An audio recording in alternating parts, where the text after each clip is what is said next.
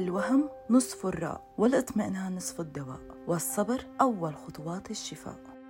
بحلقة اليوم محاربتنا حاربت السرطان بنفسها وما كان في حدا جنبها. أو فيني أقول بس بأول فترة وهالشي بسبب إنها بغربة وما في حدا جنبها. فمن هي محاربة اليوم؟ أنا منى من تونس. عمري تسعة وأربعين. مقيمة بالكويت عايشة بالكويت. أشتغل في عالم الأزياء. ملابس أفراح وأسارة وغير متزوجة. لسه عزباء وبلشت الحكاية. واحد واحد ألفين وستاشر. أنا لاحظت إني قبل ثلاثة شهور كنت لسه جاية من تونس وكنت سبح. فكشفت إنه في شيء من جنب الأيسر. تحت الإبط يعني في شيء نفس الكورة بس صغيرة لسه. فقلت أنا يمكن شيء طبيعي يعني. ما حسيت فيها. لما حسيت فيها إمتى أول سنة 2016 كنت قاعدة آه، يوم جمعة وقاعد أقرأ قرآن وصليت وكذا فحسيت إنه في نغز صارت أكبر. فرحت المستوصف. يومتها دخلت على الدكتور فقلت له كذا كذا كذا فقال لي ندى الممرضة. رحنا الغرفة تانية. قامت تكشف علي. فصاحت بوشي يعني. انت ساكتة للحين؟ ما ادري شنو. انت في كانسر؟ ما أنا انصدمت يعني. قعدت ساكتة. فكتبت لي تحويل سيدة يعني. قالت لي يوم الأحد لازم تروحي المستشفى مكي جمعة وهناك تفحصين. ردة فعلها لما اكتشفت إنها مصابة بالسرطان؟ طلعت من المستوصف قريب بالدنيا مش أنا بروحي يعني عايشة ما عندي حد بالكويت. طلعت أبكي يعني ماشية بالطريق مش حاسة بنفسي أبكي أبكي. يعني إني إني حطيت ببالي إنه المرض هذا خلاص يعني نهاية العالم يعني نهاية حياتي. عن أول شخص استنجدت فيه بغربتها.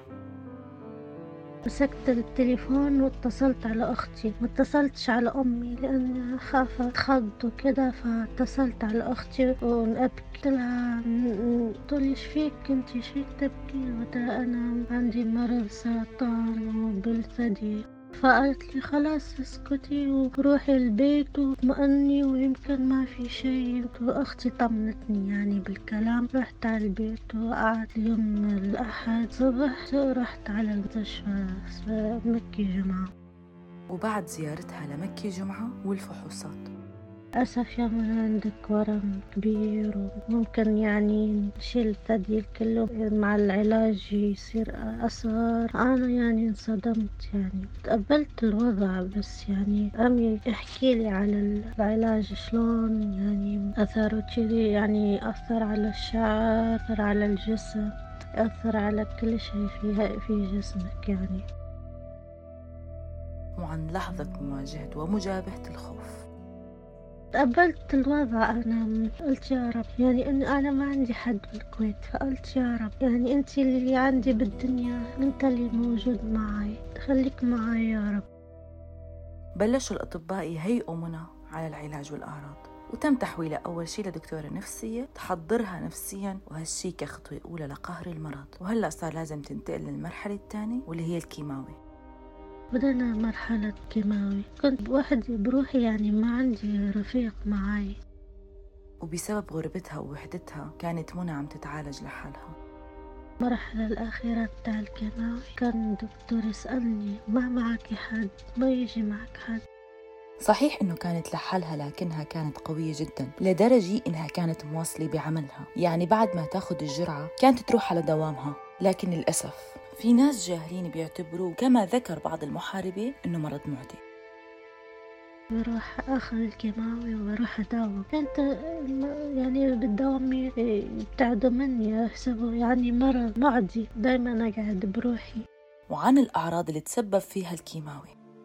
فترة الأخيرة تاع الكيماوي كان شعري بدأ يطيح يعني ربع جرعة. رحت على الحمام سويت الصابون كذي وحط مكينة الحلاقة وحلقتها كلها. لما طلعت من الحمام في عندنا حرمة كبيرة بالسكن. اتخضت بتقول ما في ريال داخل داخل الحمام.